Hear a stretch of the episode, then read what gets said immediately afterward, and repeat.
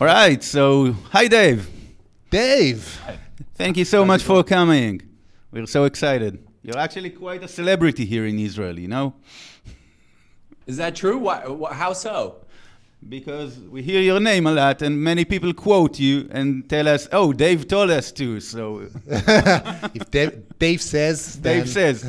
yeah. Dave says, Well, jump in the ocean. You know, you. I guess. You, I guess from, from you you never know. Uh, I think. I think that's one of the coolest things about marketing and just, you know, we're we're just everybody's connected today, and so that I I have I have no idea. Sometimes I think, sometimes I think nobody's listening other than other than myself. So that's good to know. Okay, appreciate that. Yeah, yeah. We, we Yeah, fall yeah. into the same trap, but uh, yeah, I'm sure it happens to you more often. So, as you know, this podcast is uh, taking place in Hebrew. So, uh, I hope your Hebrew is as polished as possible. um, I've been practicing. Good. Since the bar mitzvah. yeah, That's right. good stuff. So, Um, so uh, a bit of an introduction to, to, to you. So say hi to Dave, uh, perhaps one of the most influencing uh, gurus in tech B2B marketing today. Um, Dave was the CMO of Drift, uh, in charge of the tremendous growth uh, Drift has uh, back in the days, and their uh, transformation into one of the, I think, noticeable brands in, in tech B2B, uh, specifically with creating and leading the category of uh, conversational marketing. Uh, today, Dave is leading uh, Privy, uh, marketing for Privy, a rising star in e-commerce, and also, I don't know how you find the time, uh, running the DGMG community and podcast, serving tens of uh, thousands of readers and listeners a month. So, hi, Dave. How are you? Hi. I look. So, I think this all stems from, and I love the thing that you you said at the end, which is like I don't know how you find the time.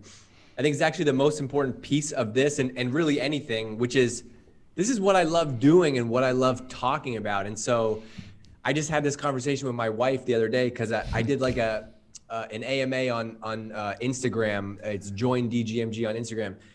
And somebody said how you know you have kids you have a you have full-time cmo job. How do you how do you find the time to to do all this? And the answer is this is what i love talking about. This is what i think about. Like i really am. There is no off there is no off switch right? Yeah. if i if i get up to to pee in the middle of the night like i am like oh you know it'd be a great idea for a landing page. And and and I don't know I don't know how I got this way, but but it's it's it's what I like to do, and I I just I think it's so much fun because I think the thing that's so fun to me about marketing is just this the feedback loop of it, which is like I I'm obsessed with the like creating something, putting it out into the world, and then like seeing the reaction, and and that Yeah. could be on the smallest scale, uh, LinkedIn post. On the biggest scale, it could be you know an event with 2000 people and you're on stage and you can actually hear the buzz in the room. And so that's what i love. And so it, it's what i think about you know we'll go out I'll, I'll go out to lunch with my my family on a saturday and i'll be like wow that restaurant has a really cool brand Yeah. and, and, that, and i'll just you know start to go or I'll, I'll go for a drive to go get a coffee and, and in that 10 minute car ride i got my phone out and i'm recording a podcast on my phone and so i think you know b2b b2c whatever I, i've realized that marketing is the thing that i that i like to do and i like to talk about and so that's where the the passion comes from amazing. Yeah, it really shows, you know, your, your passion to it, and we're all uh, junkies in marketing. We need the feedback, I guess. Yeah, yeah. Uh, we need the feedback. All right, so let, let's start with uh, quick questions. Yeah, Um, yeah. We've got those questions we usually go through, and um, so first question, which I notice you ask on your podcast as well, is about market uh, the Martech stack. So you know, what's your favorite marketing tool these days, or tools? Um, do do share. oh man all right I'm, I'm tired of plugging gong but i plug gong a lot yeah. because That's fine. We So love it- plugging it- is- as well. yeah, yeah. No, I'm just kidding. I love, I love, I love the company. I love uh, Udi, and obviously, you know, you guys have done a great job uh, helping that uh, build that brand. But uh, I, I recommend Gong a lot because I think that, um, you know, it's easy to be obsessed with tools that are gonna. Everybody's chasing like, what's the one thing that I could optimize to get to give me another percentage on my website? And I think especially with what we've seen with like AI. Like let's use Facebook for an example, right? Even 2 years ago, 5 years ago, setting up Facebook ads was a huge pain in the ass. now Facebook just wants you to upload the creative and they're going to take care of the rest, right? Yeah. That you know Right. everything is getting smart with AI and, and everything. So, you know that my and and also my bias is not typically towards the super techie stuff. That's more for my friend uh, Guillaume. Uh, you know who, who's the who kind of the gro- the growth wizard side of things. But for me, the reason I love Gong is because I'll give you an example. When I started at Privy, I was new to uh, e-commerce, new to the whole Shopify ecosystem, and uh, I, I needed to just learn about the market and get up to speed. And no sales rep likes when you go sit at their desk and you listen to calls. But instead, what was amazing was I, I got the Gong app on my phone, and for the first two weeks at the company. Um, I just stopped listening to podcasts and stopped listening to music, and I just listened to gong calls while I went for a walk, while I worked out, and I was able to just like drink from the fire hose and learn. I think the most powerful thing you can hear is the words of your customers, and so, So true. Uh, Yeah, yeah. gong was was great to be able to do that. Outside of Gong, um, right now, let's see, right now at Privy, um, we're using HubSpot for website and kind of marketing automation and all that stuff. That was in place before before I joined, and it works and it's great. Uh, you know, so we've just we just have that and and and Salesforce. Um, let's see, what else could I tell you? We use Transistor to host our podcast. I, I recommend Transistor a lot. It's it's affordable. It's really easy to use. Um, it's how you get a podcast in, into iTunes. Um, and then on the on the sales side, we're just rolling out um, Chili Piper, which is a, a different way for the a more efficient way for the reps to book meetings. But Yeah. um, it's it's pretty pretty simple. We're you know we're we're roughly uh, you know roughly a ten million dollar ish company, and so I think keep the tech stack simple. Like if you are if you are less than 50 million in, in ARR and you got 50 different tech tools, like you're either spending for stuff that you're not using or spending your time on things that are not delivering value. And so I think I think less is more. Um, you know, th- So those are a couple true. things I like. So so true, and I think specifically to Gong and specific specifically to the early stages, like the most important thing are you know what drives your clients, what are their pains, how do they I, I think you know Define it. articulate and, Yeah. and define it. And, and many people talk about Gong as a sales for as a tool uh, for sales, but I, I think it's a killer tool for, for marketing, especially for the early days when you need to understand what the hell people care about. We What- actually have, you know, at Firebolt we run uh, sort of gong happy hours. So you know, we, uh, we it's sort of a demo call watch party. You know, each one grabs a beer and we sit down and you know listen to the best uh, calls of the week. It's priceless. You know, the value that it I think delivers. I think what I think what it does. What the reason I love it is because I've always been in the mar- in, in marketing, and one thing that drove me nuts about salespeople. I love salespeople, but you know, we we all we got some friction, obviously. uh, obviously. one thing that drove me nuts is this is this perception that well well marketer Dave you're not on the phone so you can't possibly understand what's going on and I'm now I'm like well I listen to the same call and so unless you and I you and I clearly are going to listen to the same facts and interpret them differently I think it levels the playing field for sales and marketing in that I can listen to those calls in the same vein I can be like oh wow we're not doing a good enough job with our messaging and our website and positioning. People don't Yeah. understand it. So I, I think it really does. It really levels the playing field from a let, let's let everyone hear directly from our customers. Also, the thing that's powerful about Gong is that no matter how many, I'm, I'm sure you guys feel this in your business, but if you listen to 100 calls on Gong, 80% of those calls, the same two or three questions are going to come up yeah.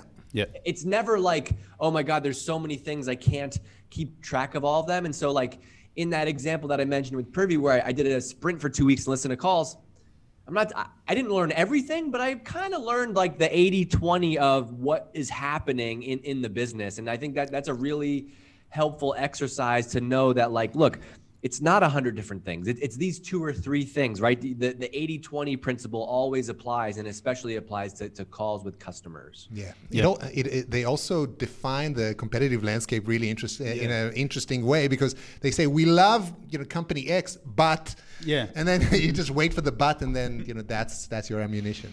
Let me, here, here's an it, we we use it in a bunch of interesting ways. Like we will, we wanted to know we've at Privy we've made our our podcast a really central part of the marketing funnel, and um, we've looked at you know we can go into Gong and say how often is our podcast coming up on calls, both a customer saying I heard about you from the podcast, but also our sales team saying like, "Hey, um, do you want to learn more about like marketing and, and growing your business while you're, you know, around? You should you should listen to our podcast." And so like that's been a metric that we've that we've looked at to see, you know, is this growing outside of like, well, how much revenue has the podcast generated? That's been a great way for us to measure that. That's great. Yeah. That's, that's a good tip.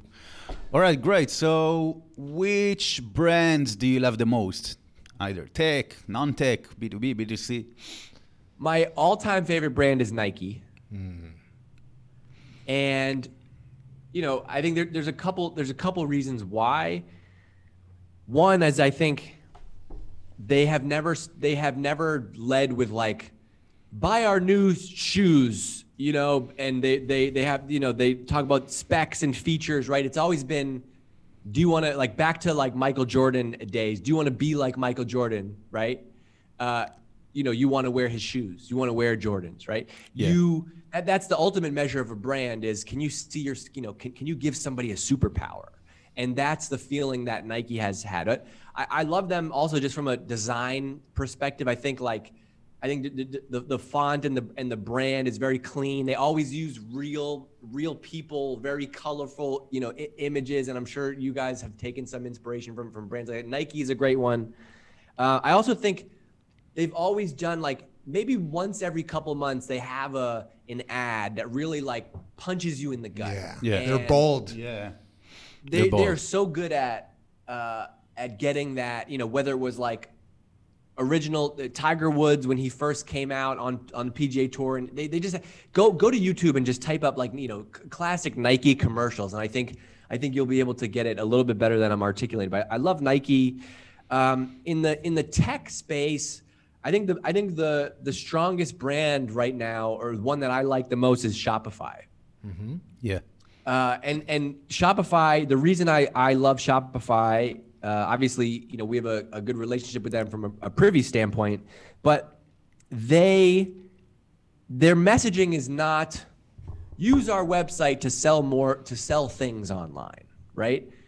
Their web their whole story is use our website to sell things online so you can quit your job that you don't like so you can mm-hmm. get the freedom of being an entrepreneur right they have that messaging but also they have this other messaging which is like their whole if you've ever listened to harley who's their, their president talk about shopify he always talks about we're arming the rebels Against and so they've Amazon. clearly Against Amazon, Against the Amazon. enemy of amazon yeah. and so like they have a great The mission villain. as a brand, but also they have this big like you know they have this big screw you to Amazon, and they they they, they have named an enemy, which I think is like the most powerful thing you can do from a brand perspective. And so I think um, they're they're one to watch. And obviously over the last year they, they've grown like crazy. So those are two that I, I pay close attention to. Awesome. Um, so next up is an awesome win that you recall. You know something uh, that you know truly goes down in the history books. Um, uh, something that delivered great impact, and yeah, something ideally people will be able to learn from. Mm, there, there's a lot. There's a lot. So let's take them all. No, there, yeah. there- All right. We have we have Um, time. I think I think one of, I think one of the most meaningful I think the best one of the best feelings I've had in my career was um, the very first year when I was at Drift when we did our, our event called Hypergrowth because we were an early stage company at that time. This was almost pre conversational marketing. Um, and I got a challenge from the CEO, David, of we we said we are going to do a um, we're going to do our first user conference. He said, "Hey, I want I want you to do our we need let's do an event. We've been in business for a year now. It's time for us to do. We have enough customers. Let's do our first user conference." And like most marketing managers, I said, "Great, let's, Let's do it." a user conference. Seventy five people. What do you think? You know, seventy five people in a Marriott." And he was like, "No." I was like, all right, cool. How about 250? 250. No. He's like, a thousand people. I want a thousand people there in the first year.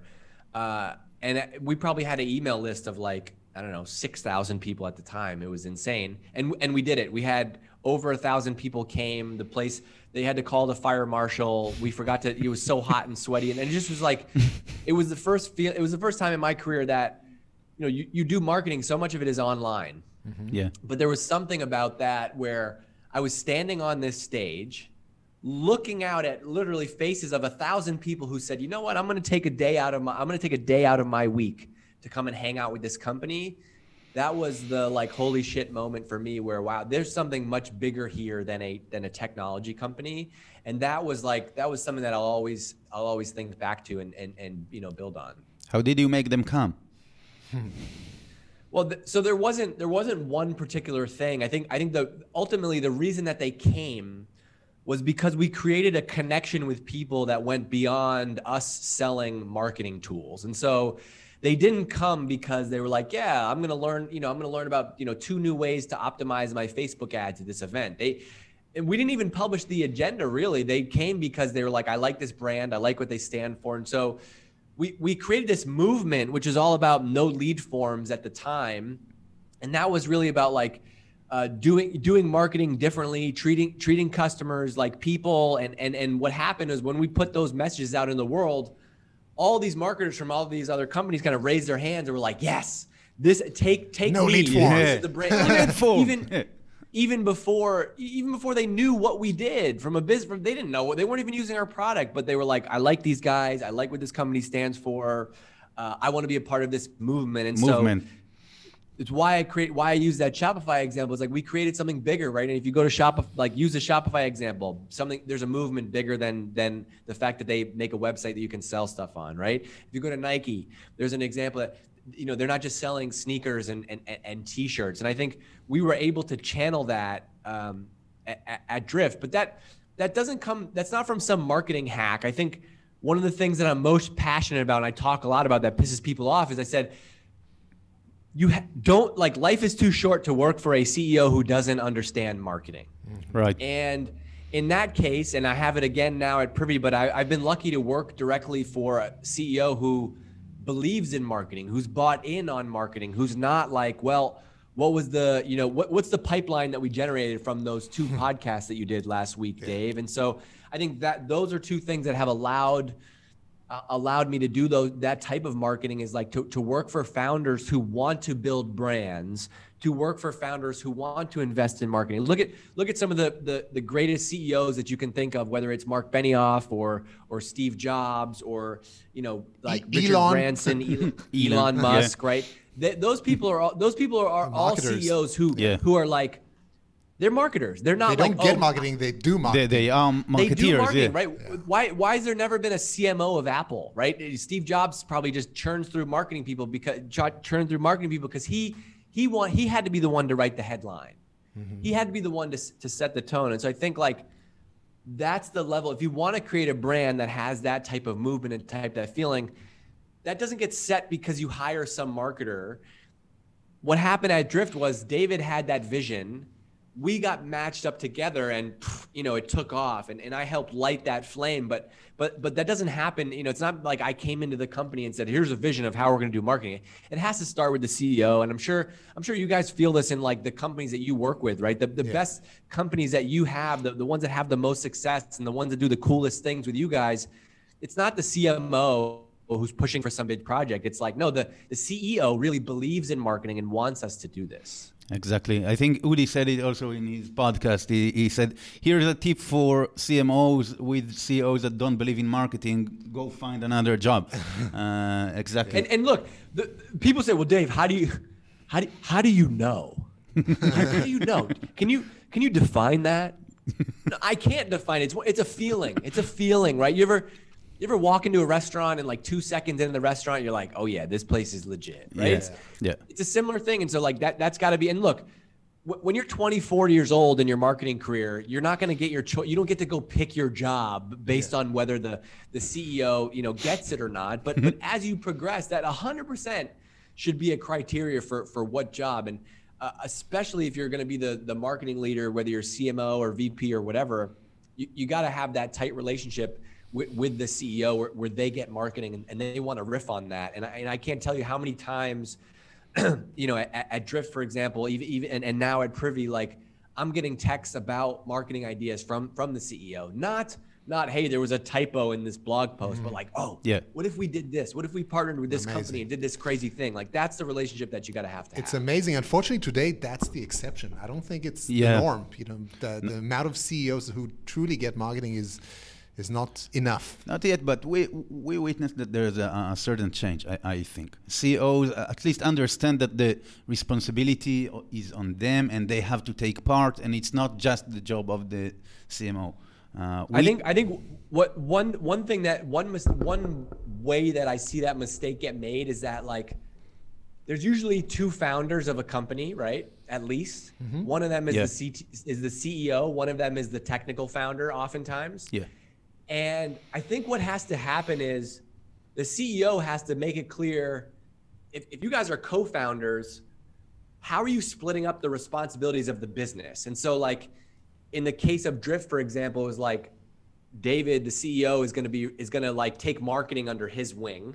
And so we're going to spend a lot of time on that together. Where Elias, the- the other founder, is like going to be responsible for the, the technology side. I, I don't see enough marketer like CEOs who say like, oh well, here's how I'm splitting this up in the early days, and to, as we build out this company, like I'm going to be involved in marketing. I think you got to be involved in marketing more so than you are in accounting and finance. Like I, I just and fundraising. Mar- marketing is is the thing, and my favorite thing when it comes to this is uh, I think this is a line from uh, from Andy Raskin, but he talks about how the your story is your strategy. your strategy, yeah, the strategic narrative.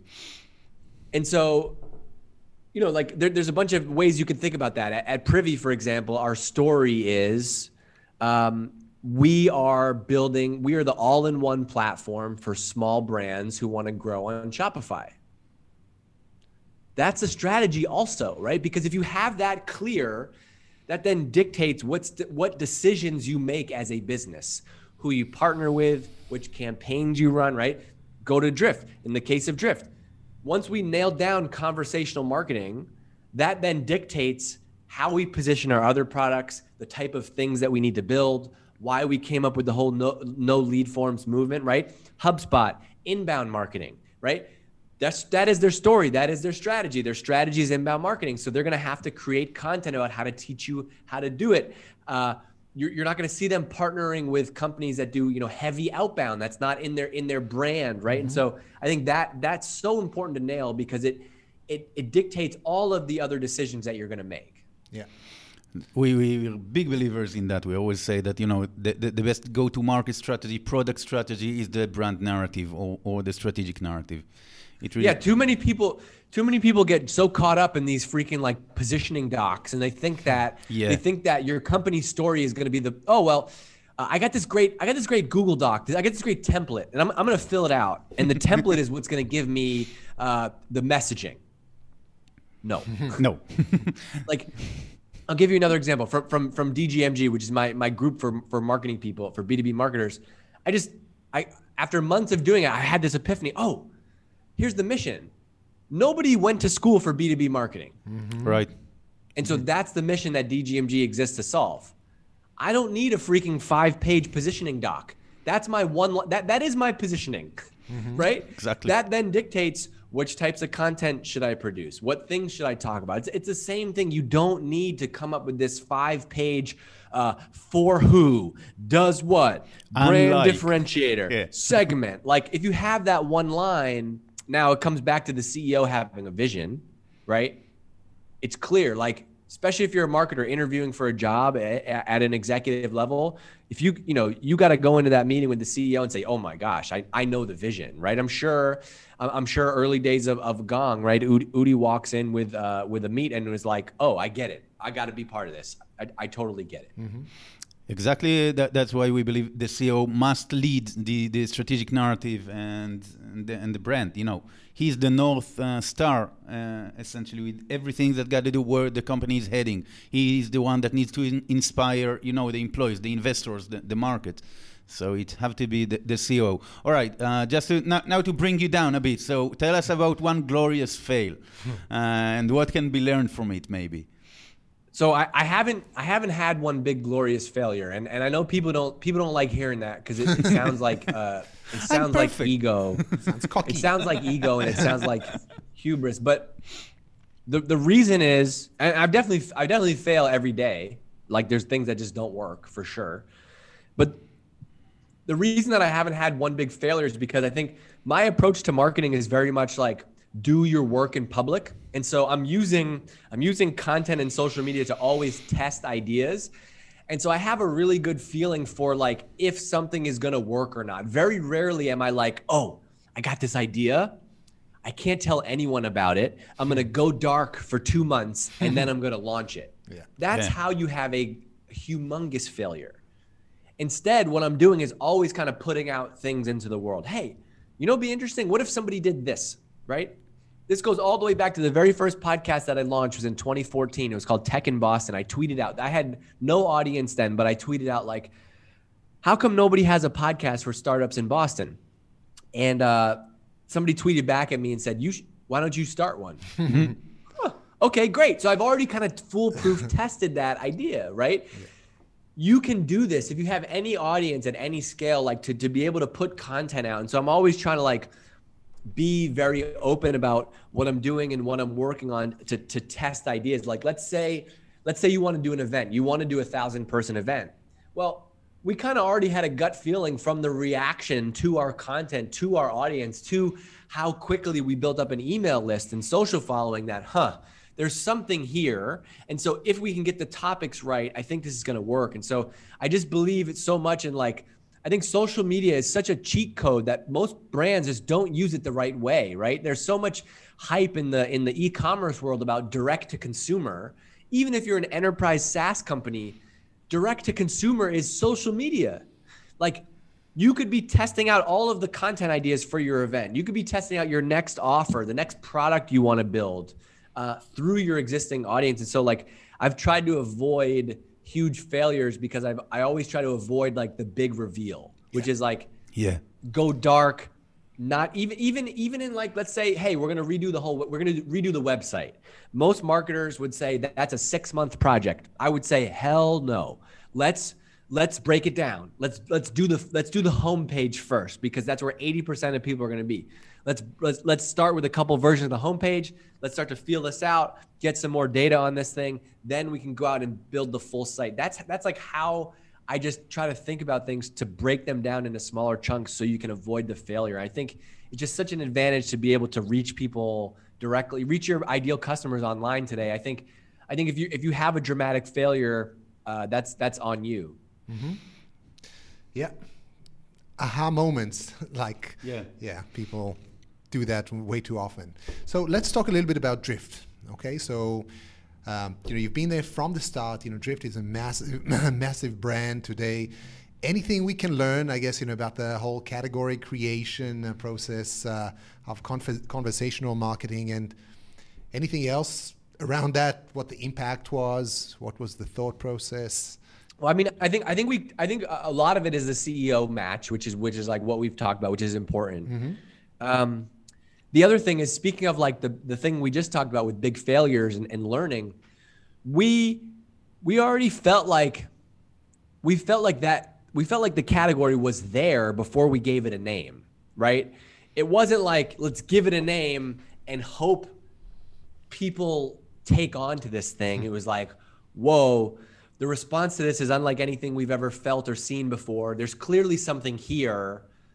Then you have the power of naming it, which is like, once we named it conversational marketing, that allowed everybody who was already doing it to say, yes, I'm doing conversational marketing, right?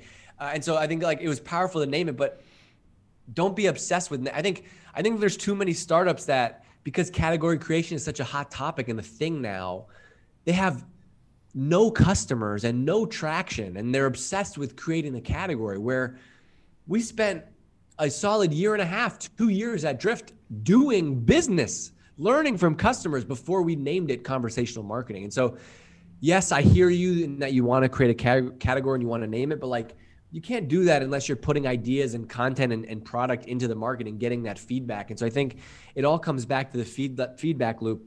The other thing is a lot of people get so caught up on the name. And I remember that from from our our time at Drift, which is like we we didn't like we didn't like the name, but it became such a a boiling point that we had to just pick a name and go. And now looking back, nobody hates the name. They're like, yeah, it's conversational marketing because that, that's what it is, right? And I, I even felt this early days of, a, of my Tech in Boston podcast, and when I, that I talked about when people were like, "What a dumb tech in Boston!" Like, could you could you do you have any creativity, dude? Like, just, just that. But what? But but six, 60 episodes later, people are like, "Yeah, my favorite podcast is Tech in Boston," and so I think like you you have to you have to pick a lane and and and, and commit to something and and, and go. Um, but I also think you need to you need to understand like, do you need to create a category? I, I don't think that, you know. I don't think that it's it, it's something that everybody has to do, right? If you're going to raise hundred million dollars, like like a Drift or, or whoever else, right? You're you're trying to build a billion dollar company, right? If I'm going to go make a new line of water bottles, I don't need to. I don't always need to go create create a new category of water bottles, right? If you if you go back to like, oh, let me pull this out because it's right here, but I think I think one of the most powerful like lessons in marketing. Okay, it's from this book 22 Immutable Laws of Marketing. Right? Law number one, the law of leadership. It's better to be first than it is to be better. Period. So if you can be the first in something, great. Like I could talk about DGMG as the first community built for B2B marketers, and that's going to work for a lot of people, right? But if you go to law number two, do you guys know law number two off the top of your head? You do? law number two is a law of the category, mm. which is if you can't be first, set up a new category that you can be first in. And so right. In, in the in the in the case of Drift, there was 7,000 other tools in sales and marketing already. And so we knew that we weren't going to be able to get initial traction if we just said, we're just like everyone else, except our product works a little bit better. Yeah. Right. And even if you are the best, most game changing product in the world, nobody's going to believe you. They're skeptical. And so, you know, our, our, the whole approach, and this was not marketing buzz. This was like the reason those two guys started the company was because they wanted to create a new way. So there, there's no marketing spin that I'm putting on that. That's in the DNA of the company. Mm-hmm. Yeah, that, that's a, amen to that. We, we always talk a lot, you know, understand the story, understand the movement that, that you're uh, making, really know how to articulate that, and then name it. Uh, the, the, name is, is less important. It's important what it stands for. And by the way, choosing, I think, like the choice itself in, in marketing is 90% of everything. Like if it, it would it would be something else, not conversational marketing, but whatever. Would it uh, work less? I'm not sure. It's about choosing something and going with yeah. it. Uh, I think. And marketing. I think it, it, yep. it's a similar. It's, it's it's in a similar vein to like.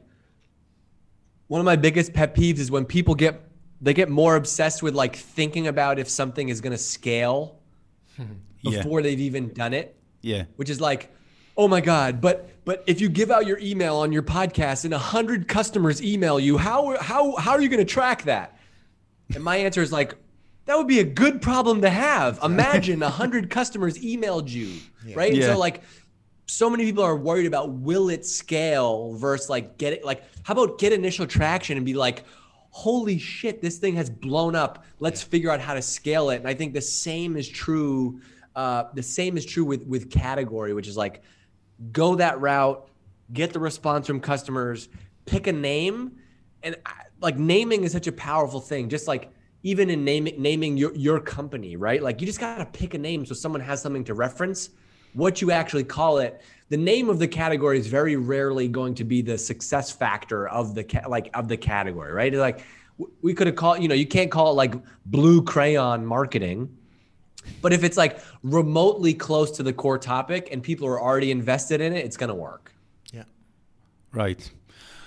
All right. So um, something you talk a lot, uh, a lot in your, in your uh, content and podcast is how, is really how to be seen as an expert uh, in your industry as a brand. Uh, so, how uh, do you have a framework for it? yeah, the framework is you have to be an expert. Like you, you be an expert. uh, here's an example, right? I, I'm not an engineer, and so I shouldn't go start a company about helping engineers do their job better. I should go start a company about marketing because I know marketing. I'm an expert in marketing, and so I think like I think to me it all comes back to the founder, right? It, it all starts with the founder's story, and and for me as a marketer, the number one ingredient that I'm looking at is what is the founder's story. Uh, like, isn't there some story like, is there some story about Gong and like there's oh here's an example, Zoom. Eric, the CEO of Zoom. Yeah. He was the guy from WebEx. Yeah. Yeah. Right. So frustrated, story is- rightfully Yeah. so. His story is he's already done this at scale. Now he's making the better version. Mm-hmm. So, ho- so if I'm the marketing person at that company, my whole job is to try to tell that story. No, and cate- no that category, expertise. by the way. no Yeah. new category there. No, video They don't need conferencing. one. That doesn't Yeah. suck. So Yeah. simple. But like another another example is I I uh, I went in and bought a new pair of skis a couple weeks ago, and I'm I'm an average skier. I haven't bought skis in 20 years, but I went into the store, and the guy that helped me out was clearly an expert in skiing, and it was an amazing experience because I didn't want to talk about features. I want to be like, tell, here's my height, here's my weight, here's my ability. He's like, all right, cool, come with me. Get these. Uh, you don't need this. Try this one. Mm, this one's a little bit more expensive, but you don't need that. So why don't you get this? That's an amazing experience, right? And I think that's what we all want. There is so much noise and information and and BS that comes with with with brands. Everyone is skeptical, and so the opportunity for you to win as a brand is to be an expert. And so it doesn't mean you have to be an expert at marketing. Like I don't know anything about cybersecurity, but if I worked at a cybersecurity company, my whole marketing angle would not be to trick people into thinking that I'm the expert, but my marketing would be the guide. Hey, we are here. We my company is experts. We're going to help you navigate this thing. And so I think like the best approach to marketing is to be that expert, to be the guide, to be the coach. And I just think that that's the approach that that's always going to work with people. People want to work with experts. They want it's like when you go to the doctor, you don't want your doctor to be like, "Well, you could maybe take some of these or do some of this." I want my doctor to tell me no. Tell me exactly what to do, how much, when. That's the opportunity from a from a brand perspective. The tech doctor. Yeah. Um, Do you have any tips to how, how to start? I, I think many of the clients that we talk to, you know, they, they are experts, but they don't know how to, how, how to start. All right, what, what are the three things that I should be doing like tomorrow? Well, so if you if you uh, so so number one, ideally the founder has started this company because they are an expert. Right. And so so so that's number one. So like if we use the Zoom example, my whole strategy at Zoom, pretend like they were not a successful company, right? Because this is going to be ridiculous advice. But like my whole strategy would be to tell the founder's story. And that's what we did at Drift, which is like, hey, here's this guy, here's these two founders. They spent the last 20 years building sales and marketing software together. And they, through that experience, which we just built credibility by telling that story, through that experience, they learned that things were broken. And so they started this company, Drift, to show you to create the new way. Right. I've you don't have to know anything about us, but we've already created credibility by telling you that story. And so like I would start by getting telling the founder's backstory. Number two is I would then find a channel to like share that story directly to the world. I think this is why I love podcasting. I think every I think every founder should have a podcast. I think every founder should be on social media solely to just like tell that story to the world. And the founder doesn't have to know how to do all that. They should have somebody like me, a marketing person who can help like get that story out of them. But that's your best ingredient. Today, people want to work with brands they feel like are credible. They want to work with people that they know and like and trust. So the best way to do that is to make the founder the founder's brand like the centerpiece of your brand. And if you think about if you use Drift as an example, we when I was there, there was really two brands. There still are today. There's two brands. There's the Drift brand and there's David Cancel brand. yeah. Right. And I, so, so my strategy would be, hey, if, if you hired me to go run that ski shop, my very first thing would be like, who owns a ski shop? What's her story? Oh, she started a story because she's been skiing for 30 years. She was a former Olympic skier. Now she started a ski store. That's that's always like the best angle if you can if you can really tap into that story. People also remember stories and relate to stories, so you know it, it resonates. Especially Sticks. personal stories, of course. Yeah. Well, like what, what like why do you guys have this? Why do you guys have your company? What's the story? I was in tech. I'm still in tech. he, he- he's still in tech. Yeah. And, and I, I was looking for a, a brand agency uh, to work with, and I re- realized that nobody understands what I'm talking about. because when I talk to brand agencies, they look at me like, "Hmm? so you want it in blue? So, Um, so like that that story instantly builds credibility with me because I'm like, dude, I've been in the same position. Yes, okay, let's talk, right? And like, I think I think you're just you're doing yourself a disservice. And by the way, founders are got to be crazy people, and so you got to be crazy enough to start a company in the first place. So there's usually a reason, whether you had some problem, some huge problem, uh, or you had some big epiphany, or even you started this company in, in your dorm room and you've been doing it for 10 years. There's always some like mm-hmm. unique, interesting story there that I always would try to, to try to lead with. And people, especially with a new brand, people want to work with a person. They're not, they, I don't know your logo yet. You know, if you show up in my, in my Twitter feed, I don't know your logo, but I see your smiling face and I'm like, oh, interesting. That person's the CEO of this, of a podcasting company. And he started a podcasting company because uh, he he found some big problem and he's launched five podcasts by himself, right? Okay, the, the instant instant credibility, like you have to build credibility off the bat. Everyone's going to be skeptical of what you're doing, mm-hmm. and I love using podcasts and social media as a way to do that. So that sort of leads us to the next uh, thing. You know, you, your writing is amazing, uh, and uh, well, I, I, it seems like you know we're not the only ones thinking so. Um, but you know, I guess you know what are your copywriting tips? You know, how do you how do you create this awesome copy that uh, seems to work so well and people love, um, people get engaged. So I don't know. Tell us your secret. tell us your secret, man. well, so so one of them is like you have to do it, and so it, it, it's hard. It's hard to give like one or two copywriting tips because the the real answer is like I'm good at copywriting now but I wasn't five or six years ago. You know, I used to get like uh, David at Drift used to used to give me feedback on my writing and like this is not good enough. Like we got to tweak it, right? And so I've written thousands of emails, thousands of headlines, thousands of blog posts that now I could write a great sales email for you guys in 10 minutes. Like if you just sent me a couple things now. So number 1 is like you have to do it. And so the reason why I love social media also is because it forces you to become a copywriter. And so what, a couple years ago, I made a decision that I'm going to post every day on, on LinkedIn. Not to build an audience, I think that's a secondary effect of it, but to find to find my voice. It, it forced me to become a better writer, and now mm. I can like spit stuff out on demand. And so if you're if you're sitting listening to this saying like I want to become a better copywriter, but like just I don't do send it. my companies, just start, do it. Like writing. open up a go go to go to go to Chrome, type in docs.new, open a Google Doc, and once a day write something. Like that that's the easiest way to do it. You can just do that on demand. That's how I use social media. So I think you got to write it. Uh, number two is find people or brands that you think do copywriting well. And so for me, that was Apple and Nike. And so I would go read press releases from Apple and press releases from Nike and ad copy from Apple and ad copy from Nike and try to figure out like how do they talk what what words do they use and and try to like try to take that like you you guys are not a, a um, an athletic apparel company but I bet you could write a headline from, from your website that you could that you kind of take from Nike, right? Try to find the patterns, um, and then ultimately, like you have to write, you have to write to one person, and so I always try to write very informal. I try to write like myself, and I try to use like very short, choppy copy choppy. that has a rhythm to it because it's like your the goal of your first line of copy is to get somebody to read the second line. The goal of the second line of copy is to get somebody to read the third and so on and so on and so on. And it doesn't mean you have to write one of those annoying like, you know, one word, one line LinkedIn posts, but like instead of starting like here's how I might send you an invite to a webinar. Instead of saying like, "Hello, tomorrow at 2 p.m. Eastern Time, we are hosting a webinar with my friends at Gong IO." I would write that email like this.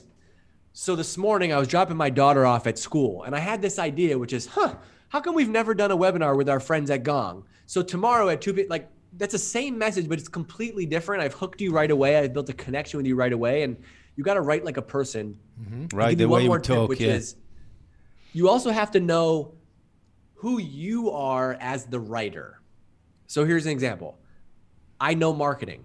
I'm comfortable positioning myself as an expert in marketing. So the way I write is I'm the expert, I'm here to teach you. Let's say I was working at a cybersecurity company where I'm not the expert.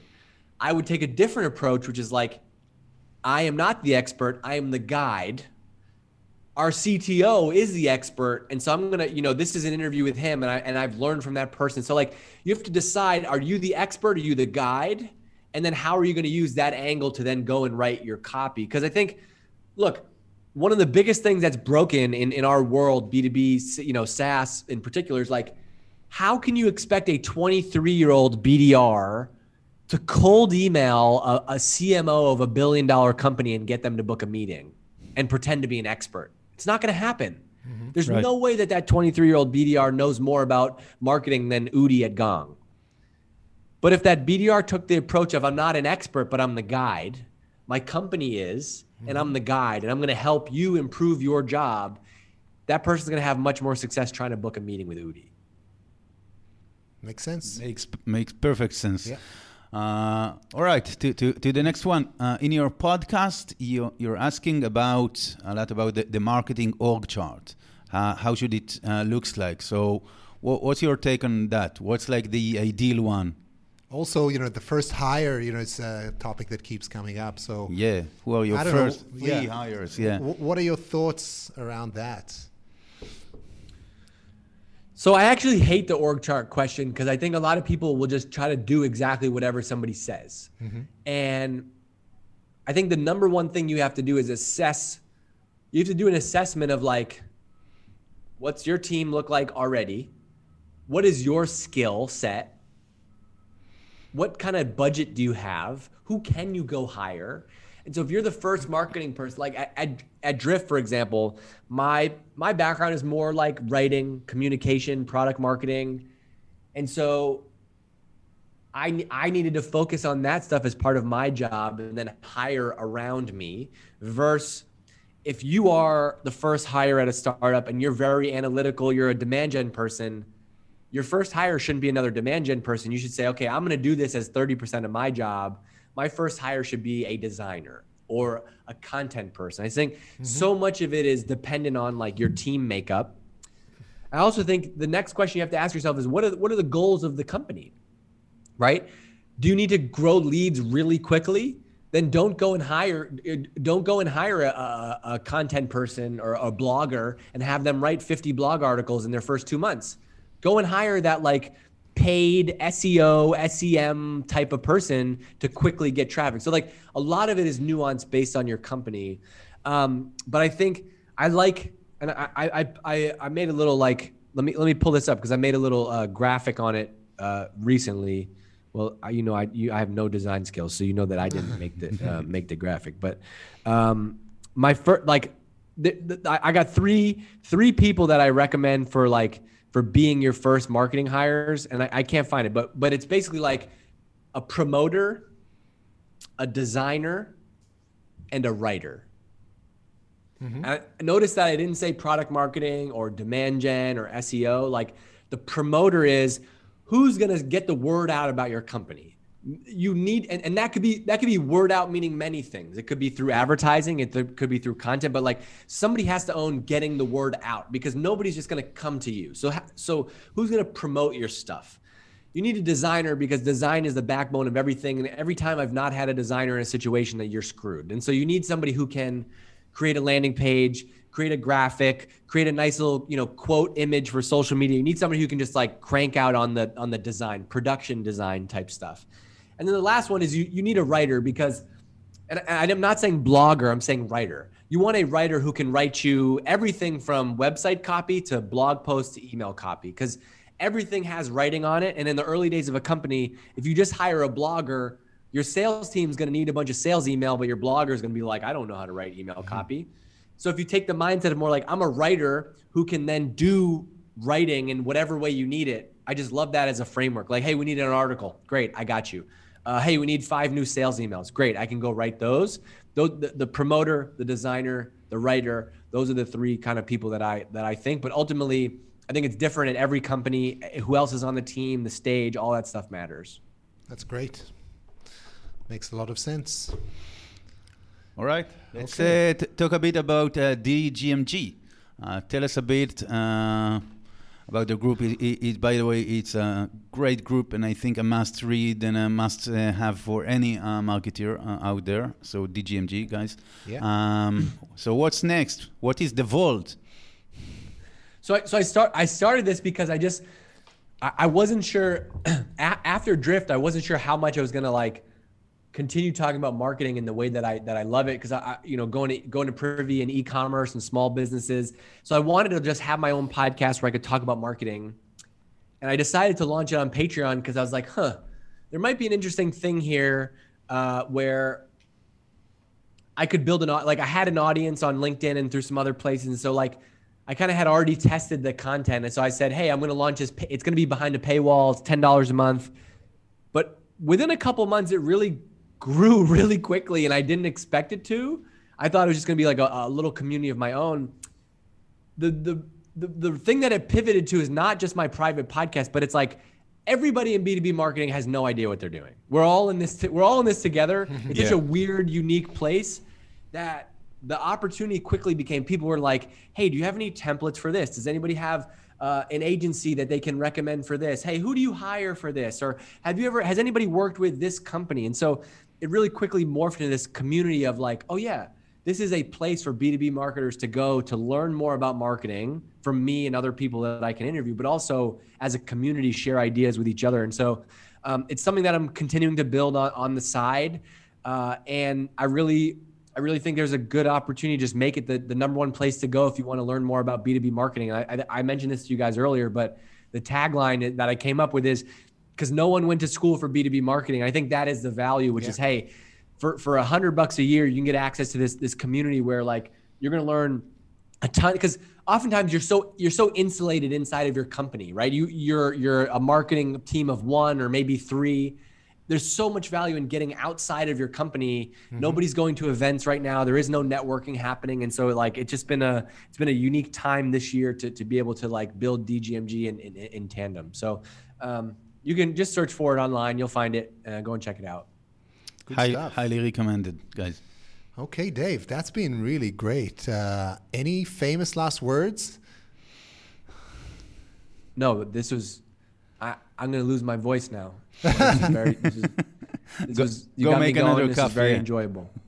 Good stuff. Dave, thanks so much. Thank you. And uh, yeah, we'll be in touch uh, soon.